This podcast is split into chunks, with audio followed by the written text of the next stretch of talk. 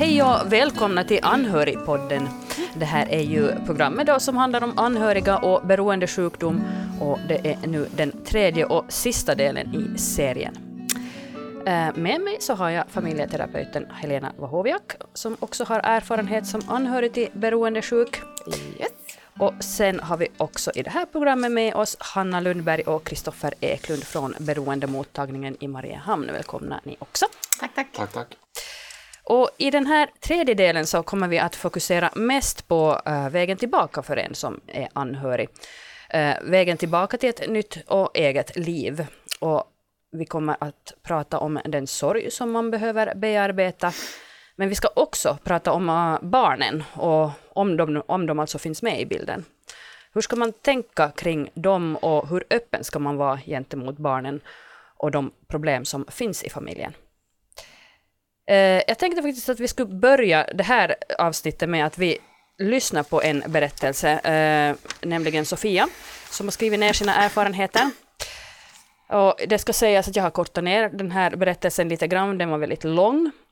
Men det som kan sägas är också det att Sofia är liksom Lena i det första programmet, en helt vanlig åländsk kvinna i 40-årsåldern. Och så här så berättar hon.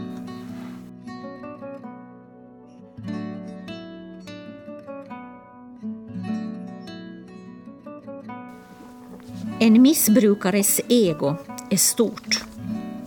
Min man var ofta självcentrerad och ville gärna lyfta fram hur duktig han var och hur mycket han offrade sig för att hans familj skulle ha det bra. Det blev ofta jobbigt att lyssna på hans babblande om sitt och sig och när jag själv tyckte att jag hade det jobbigt. Men det var ju ingen som märkte det och jag sa ingenting om det till någon. Som tur har min man aldrig slagit mig och barnen. Men det är inte trevligt att leva med en person som lullar omkring, är tjatig och otrevlig och beter sig irrationellt. När han hade druckit var det jobbigt att lyssna på hans pladder. Han blev allt oftare ilsken och arg och skrek på barnen när de inte gjorde som han ville. Ibland så tog han dem hårt i armen, men de gånger det hände sa jag direkt ifrån att det inte var okej. Okay. Han fick inte göra barnen illa. Det hände också att han sa elaka saker till mig. Som att jag skulle hålla käft när jag sa något som inte passade honom eller om jag sa något som han tyckte var dumt så frågade han om jag var dum i huvudet. Han kunde också vara otrevlig mot mina föräldrar och komma med plumpa och opassande skämt när barnen hörde på. Men eftersom allt det här kom stegvis så blev jag van med att det var så här vårt familjeliv skulle vara. Jag har förstått efteråt att det här kallas tillvänjning och är väldigt vanligt i en familj där det finns missbruksproblem. Den första personen som frågade mig om min man dricker var min mamma. Det var så skönt att någon äntligen märkte problemet. Jag var inte ensam om det längre. Jag sa till min mamma att jag tror att han dricker men att jag inte säkert visste eftersom jag inte hade några bevis. Han drack ju i smyg. Men han gick ofta ut till garaget i olika ärenden så jag misstänkte att han gömde spriten där. Han hade ett skåp ute i garaget som alltid var låst eftersom han förvarade ammunitionen till sina jaktgevär där. Så en kväll när han var på arbetsresa och barnen hade somnat letade jag länge tills jag hittade nyckeln till skåpet i garaget och öppnade det. Hela skåpet var fullt med tomma flaskor och burkar från både öl, vin och starksprit. Även om jag misstänkte att han drack hade jag aldrig förstått att problemet var så här stort. Jag bestämde mig för att konfrontera honom när han kom hem. Jag ordnade barnvakt så att vi fick vara i fred och prata. Sa åt honom att han hade alkoholproblem och att han måste söka hjälp och sluta dricka för annars kan vi inte leva tillsammans. Han sa att han visste att han druckit för mycket och att han skulle söka hjälp och sluta dricka. Till att börja med gick det bra, och jag såg allt mer av den man jag gift mig med för ett antal år sedan. Men sakta, sakta började han bete sig annorlunda igen.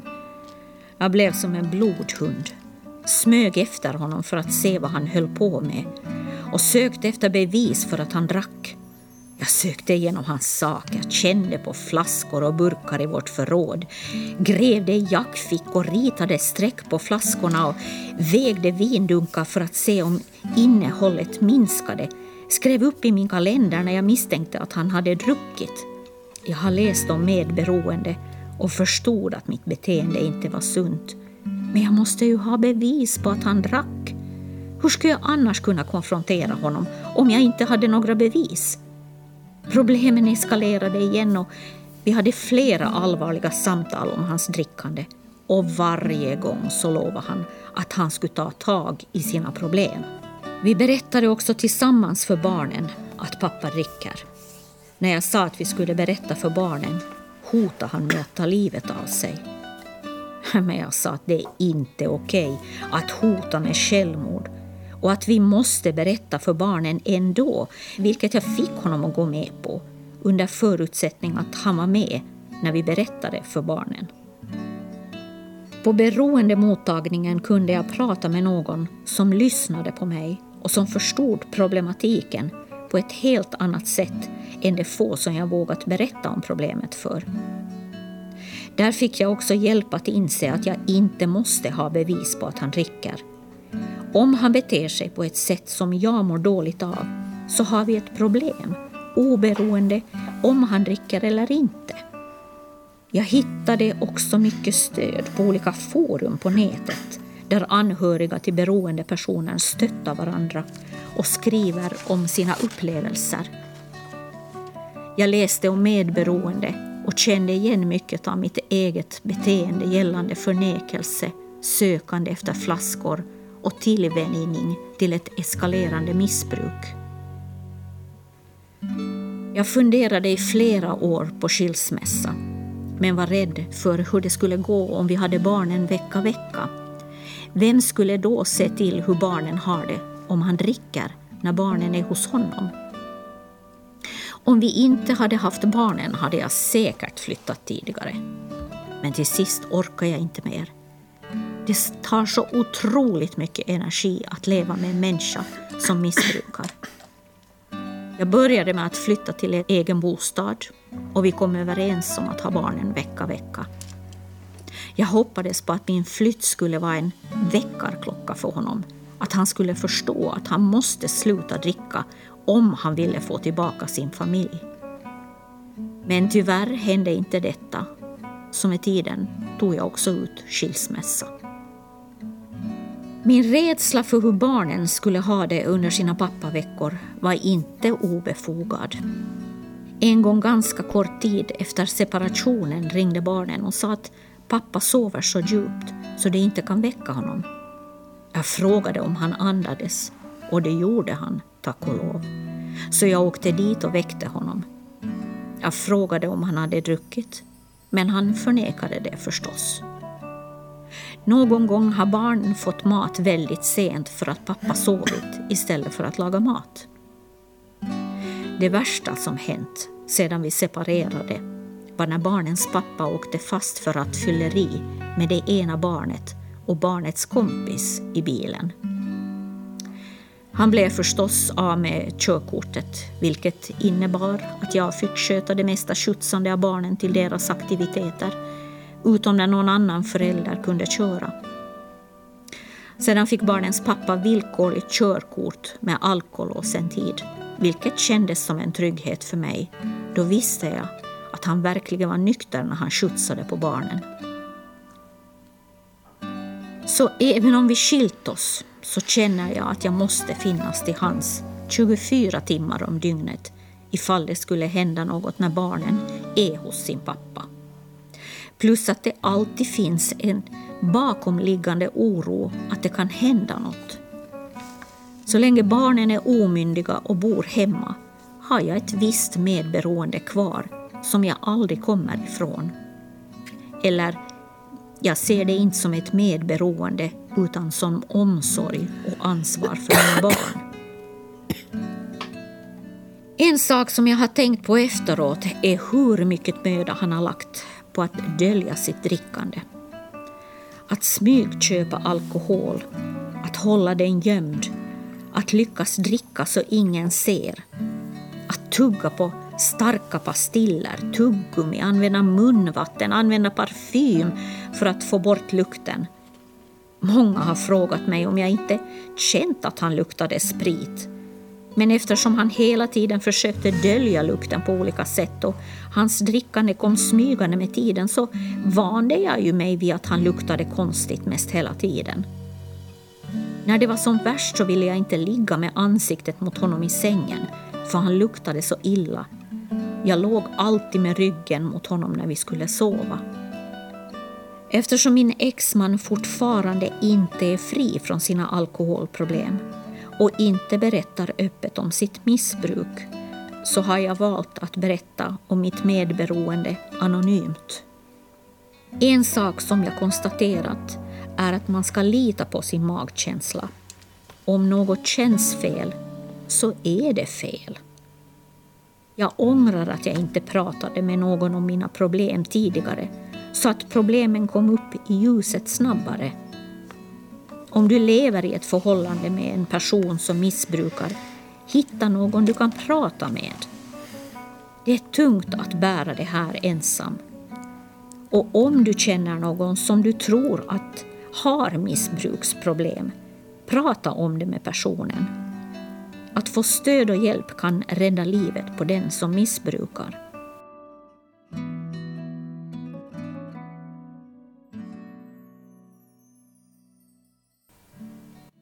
Sådär. Det här var Maria Mäntylä som läste upp Sofias berättelse. Ja, vad tänker ni när ni hör det här? Om vi börjar med Kristoffer och Hanna. Ja, alltså det jag tänker på det är också det som vi kände igen från första berättelsen där med att det, att det sker stegvis och den här tillvänjningen att det är inte någonting, alltså man känner, det är stegvis någonting mera som känns fel och så blir det så efter ett tag så vaknar man upp och förstår inte hur man har hamnat i den där situationen precis som i första berättelsen då. Och där ser man ju hur svårt det är liksom och, och jag menar som jag tror att jag sa tidigare också i, i det tidigare programmet att man man ifrågasätter ofta sig själv som anhörig. Varför tog jag inte upp det här tidigare? Varför gjorde jag ingenting tidigare? Men där är det ju den här processen som sker långsamt över lång tid ofta. Det är svårt att se det från början. Mm. Precis som vi också var inne på igår, sen följetongen där, liksom, där be, leta bevis. Alltså den här känslan av kontroll, eller kanske inbillad kontroll snarare. Att för, egentligen, för vem är det man vill ha bevis? Är det för sin egen skull eller är det liksom vem är det man försöker övertyga om vad? Jag, jag tänker det blir... Mm. Ja, det är ju en, det där kontrollbehovet som, som man får ofta som anhörig. Att det är ju som en, en, en tillfällig ångestlindring tills man får upp en ny misstanke. Då måste man igen börja leta bevis. Så blir det ju liksom som en ond cirkel som på något mm. sätt aldrig... Du får ju aldrig något slut och du mår ju inte bättre. Nej. Nej, jag tänker för samtidigt så upplevde hon den här personlighetsförändringen.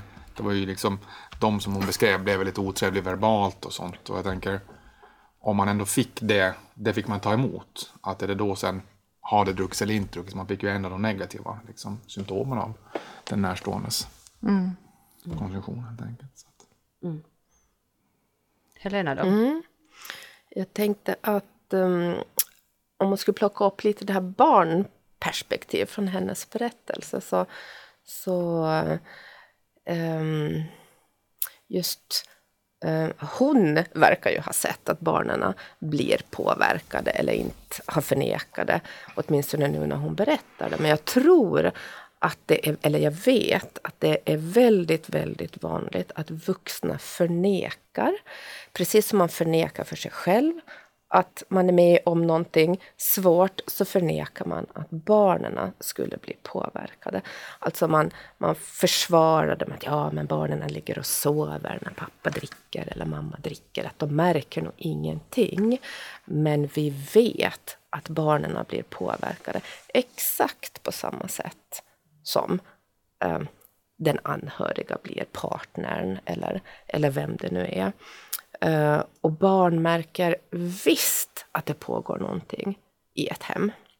Men de kanske inte alltid förmedlar att de märker. Nej, barn är ju väldigt, väldigt lojala med sina föräldrar. Och om det till exempel i en familj är en sån kultur att man inte pratar om det som sker, så pratar barnen absolut inte om det. De gör exakt som sina föräldrar mm. gör. Uh, och dessutom så blir det liksom dubbel skada på barn därför att de är ju ändå beroende av sina föräldrar. De kan inte ta sig bort därifrån. Um, så att uh, barn blir skadade av att växa upp i en sån här familj.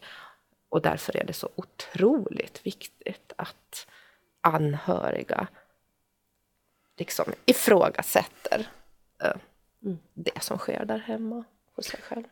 Men, men jag tänker, hur, hur öppen med barnen ska man då vara egentligen? Vad, vad säger ni? Jag tror precis som Helena, jag tror att det, det, är väldigt viktigt för, precis som Helena är inne på, så förstår ju nog barn. De kanske inte har begreppen och definitionerna av vad det är, men att någonting är fel, det märker de ju helt klart. Och jag tror att eh, en viktig fråga, att, att om man svänger på det, så är frågan varför skulle man inte berätta för barnen? Att vem är det man... Jag tror att ganska, för ganska många så tror jag en sån naturlig liksom reflex eller en tanke, det är att man man skyddar barnen genom att inte säga det. Men om man nu kritiskt granskar det så är frågan vem är det man verkligen skyddar? Jag tänker att barn påverkas, det, det finns ju nog inte något tvivel om. Och, och jag menar, det är ju en dubbelhet i det där också. Jag menar, någonstans tror jag det är ganska vanligt att vi vill lära våra barn att man ska vara öppen och ärlig, man ska berätta. Jag menar, kommer barn hem från skolan så vill man veta vad som hänt och sådär. Och att de ska vara, berätta i sin sanning. Men i det här fallet så kanske man förväntar sig att barnen inte ska berätta någonting utåt. Och då, det blir ju, jag menar, för ett barn att anpassa sig till de där sakerna. Att det, Sen tror jag det är väldigt vanligt också att barn som anhöriga kanske liksom tar på sig en del av skulden. Mm. Att, att om jag gör på ett visst sätt så kanske det inte blir så här konstigt hemma. Mm. Jag tror att det, det är ju såna, så att jag tror nog att det är väldigt man ska vara, förstås måste man ju förhålla sig lite till barnens ålder och sådär men mm. då måste man ju förklara att det i alla fall inte hos barnet det, det mm. finns någon, någon skuld i det där Precis. överhuvudtaget. Försöka anpassa det efter förstås barnens ålder. Och... Mm. Men vad kan man säga rent konkret åt ett barn tänker jag? Om, åt ett litet barn? Det är lättare med, med tonåringar kanske. Men... Alla, alla är olika, mm. men, men, barn behöver ju få en förklaring på vad det är som händer mm. i deras familj. Um, de behöver få ord på det. Uh, och kanske uh, det här att min mamma dricker ibland och ibland dricker hon inte. Och det är okej okay att tycka om sin mamma när hon inte dricker. Men det är också okej okay att tycka väldigt illa om det som händer när mamma dricker. Alltså att, att få en förståelse för vad som, vad som händer i livet. Mm. Och, få, och få, precis som jag säger, få rätt begrepp på det. Att få de rätta orden, inte att mm. man är lite trött och sådär, för det kan väl bli en väldig förvirring och det ja. kan väl bli en känsla av ilska för barnen när de växer upp till de börjar förstå att det faktiskt var något helt annat. Mm. Och sen är det ju också så att barn kan ju bli minst lika besvikna på den friska föräldern som på den sjuka.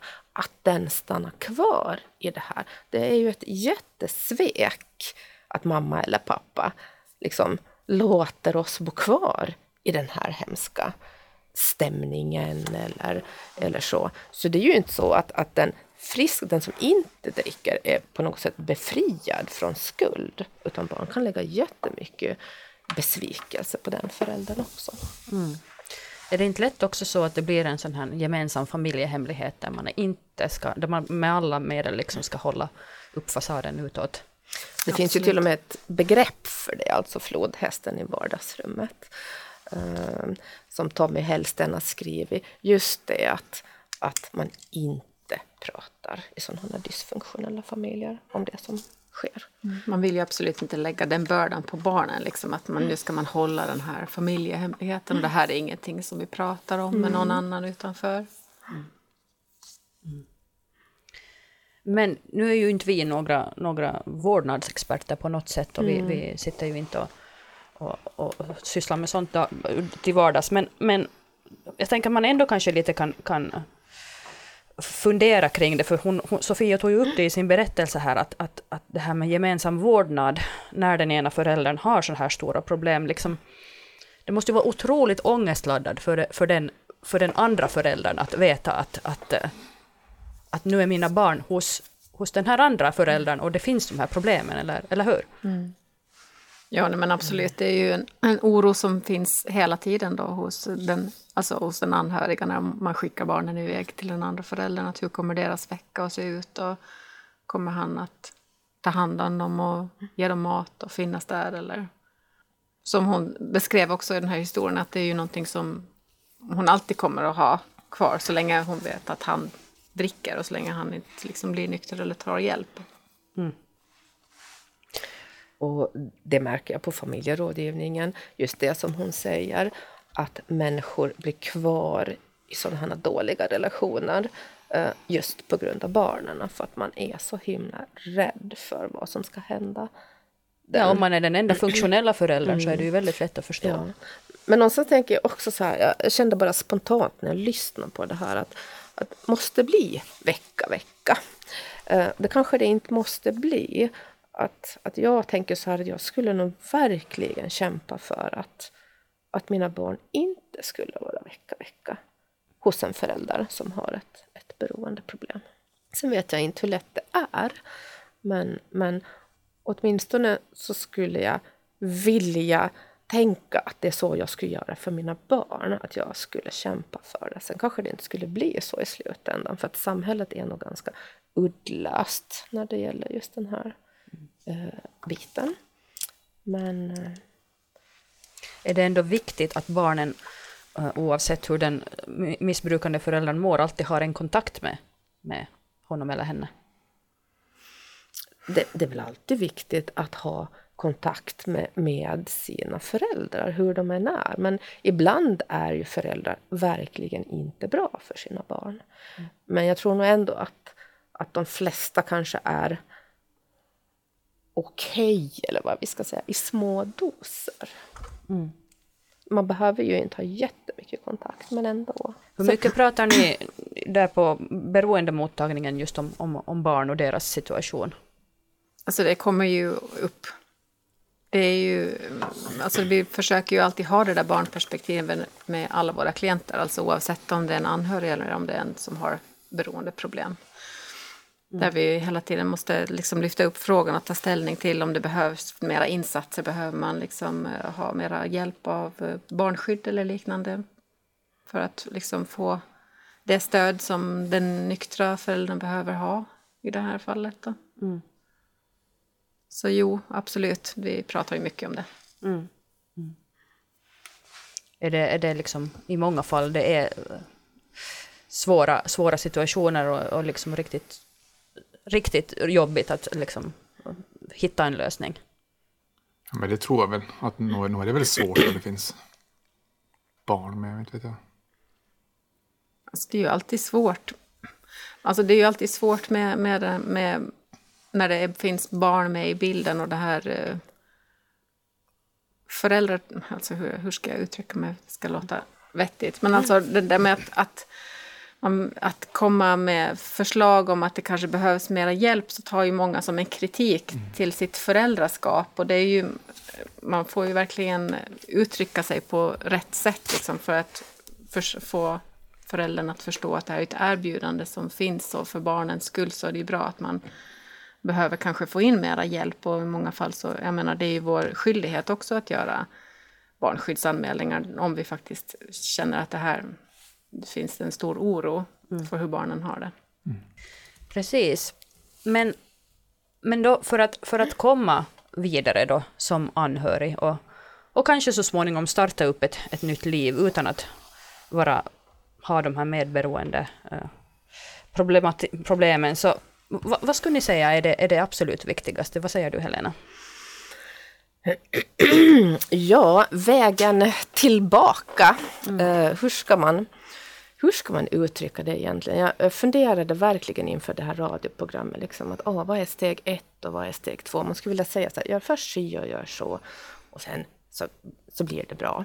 Eh, och det är klart att det inte är så lätt. Men jag, jag liksom föreställde mig så här att när man är mitt uppe i det här anhörigskapet så känns det ju som att det är som att man står med fötterna i gyttjan. Man, liksom bara, stann, man, man bara står i den där gyttjan.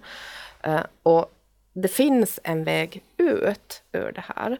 Och där borta där finns det en liten dunge med, med blommor och växter och, och, och sol förstås. Och, och, och, vägen dit, det är den man ska börja vandra till någonting annat än att stå i den här gyttjan.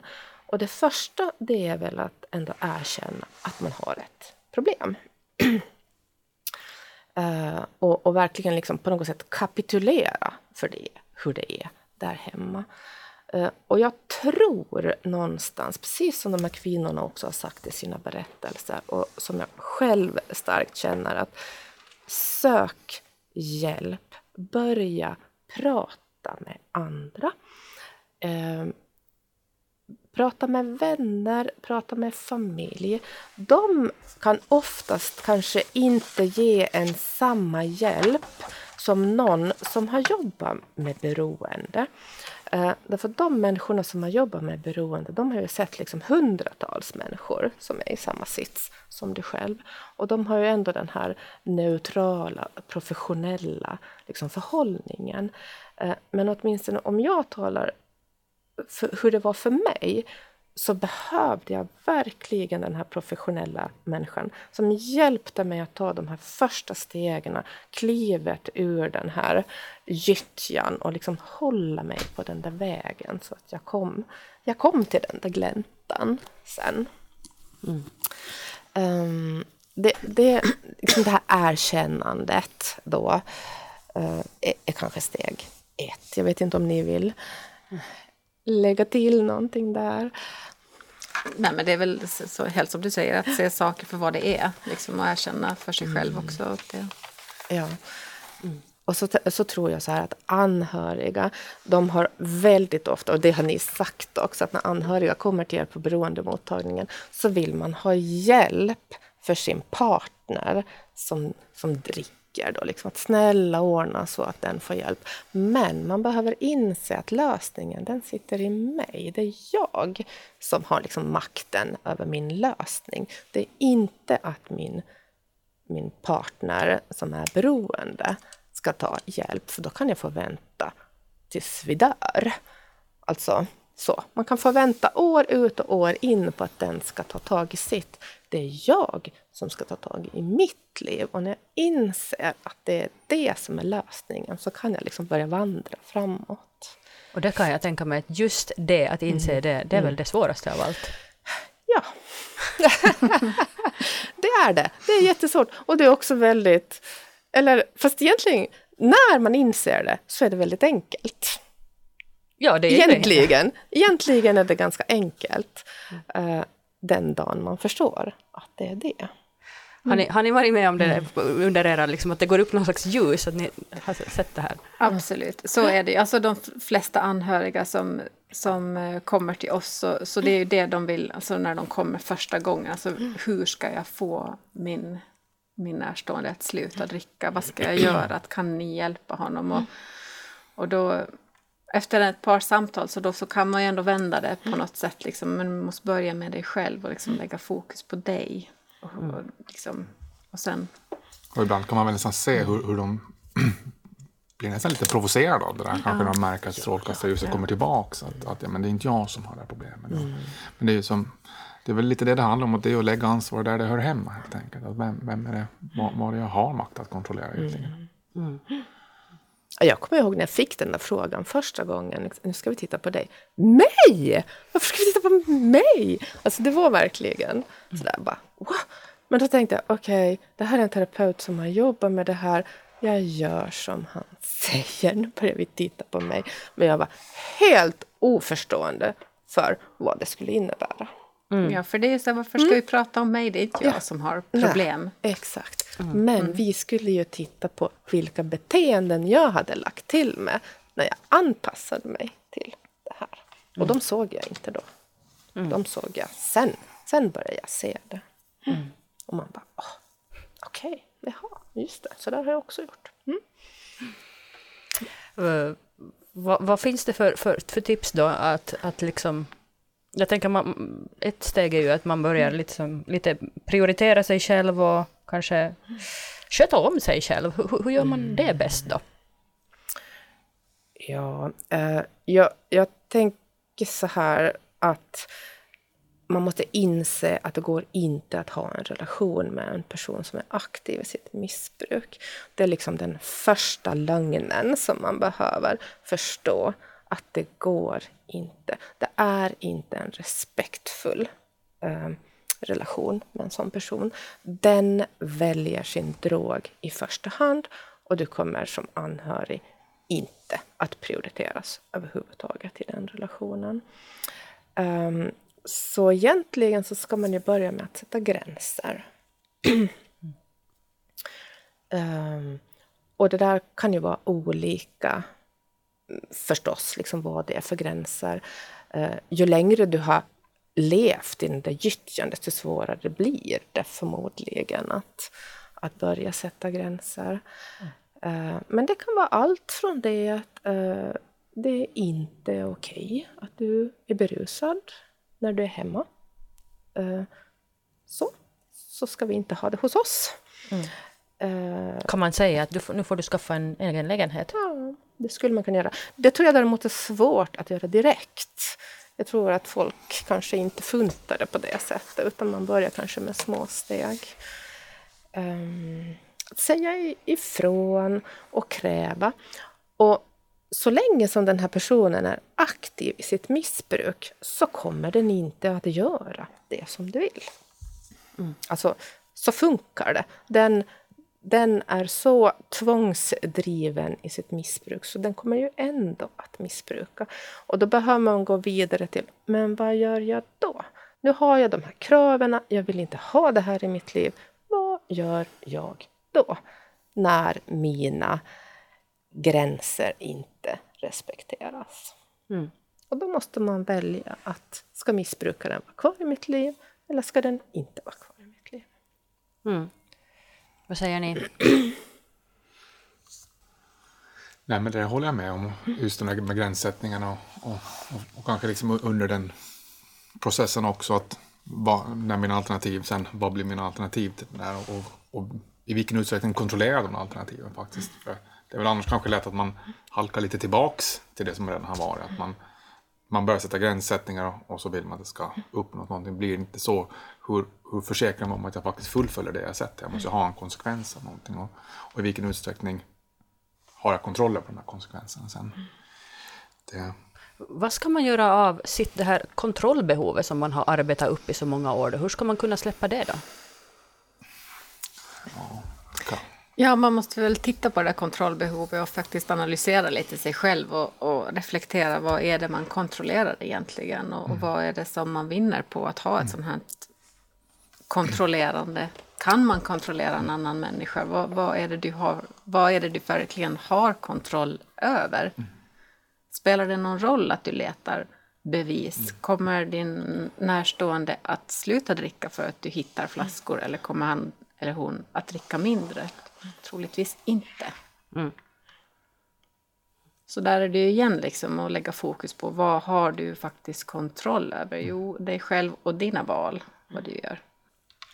Men det är ju jättesvårt att på något sätt så är det många anhöriga som, som eh, jag har träffat i alla fall, så det är som de har lite glömt bort sig själva, eller tappat bort sig själva på vägen. Att vad, vad, hurdan person man har varit och vad har man ens tyckt om att göra och vad har man haft glädje av. allt det så har hamnat i skymundan efter alla de här åren som man har fokus, lagt allt fokus på den som dricker. Mm. Så då gäller det att försöka hitta lite tillbaka till sig själv. Kan det vara en svår process liksom? Det tror jag absolut att det är svårt och jag tänker det kommer väl inte helt utan skuldkänslor heller säkert. Det är väl lite sådär att plötsligt ska man börja är man som egoistisk nu om man ska börja fokusera på sig själv bara i det där mitt, medan den här närstående har de här problemen. Jag tror det är en oerhört svår process det där. Mm. Ja. Mm. Ett steg i taget.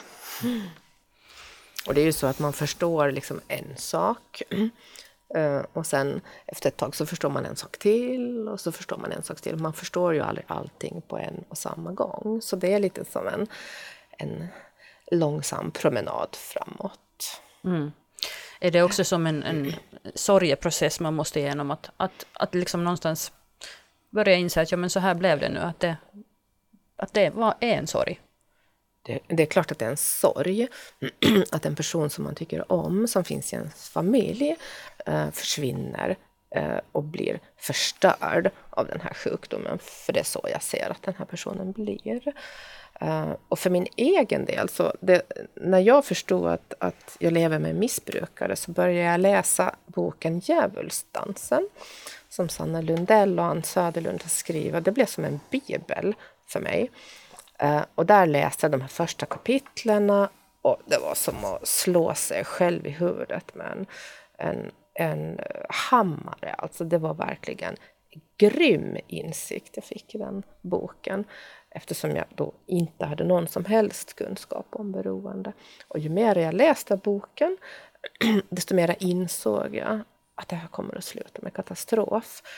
Men jag tänker att min sorgeprocess började nog där, när jag läste den här boken och liksom inser vad det är som komma skall. Och sorg funkar ju så att det kommer lite nu och då, och sen kanske man, man sörjer när man inser någonting och så sörjer man ja, det kan ju liksom komma lite nu och då i livet, den, den här sorgen. Men just i och med att det här är nu i det här avsnittet så ska vi fokusera på vägen tillbaka och hur man kommer. Så tänkte jag fråga dig, hur, hur är ditt liv idag, Helena? Ja, det, det, är väldigt, eh, väldigt bra och det är ganska eh, intressant på det sättet att egentligen så skulle jag inte vilja vara utan den här upplevelsen. Eh, för att det har varit en enorm kris och det har varit väldigt mycket smärta. Men kris är ju också en möjlighet till förändring. Så det liv jag lever idag, det är ju alltså... Eh, det är så ärligt och så känslosamt och det är, är otroligt konfliktlöst. Alltså jag, eh, jag skulle inte stå ut en sekund till om jag tänker att jag skulle gå tillbaka till det liv som jag hade. Då skulle jag få ta in på psyke, jag fattar inte hur jag står ut. Um, så vägen tillbaka, den är alltså väldigt... Det är otroligt jobbigt och det är väldigt mycket smärta. Men det är absolut värt att liksom vandra den här vägen. Och då skulle jag vilja säga via hjälp av någon som kan det här med anhörigskap. Mm. Mm. Och då får man ju se då om det antingen funkar att fortsätta tillsammans som det har gjort för er eller, eller om det inte fungerar. Ja, men vi tog ju då ett och ett halvt år paus och det behövdes. Uh, och jag tänker att jag behövde det också. Inte bara han som skulle bli nykter. Han kallar sig inte för nykter, han kallar sig för frisk idag. För det handlar inte bara om att inte dricka, utan det handlar ju också om att, att få bort alla dessa beteenden som man har haft tidigare. Mm. Och jag behövde också den tiden för att liksom bli hel och stark och få tillbaka respekten för mig själv och, och så.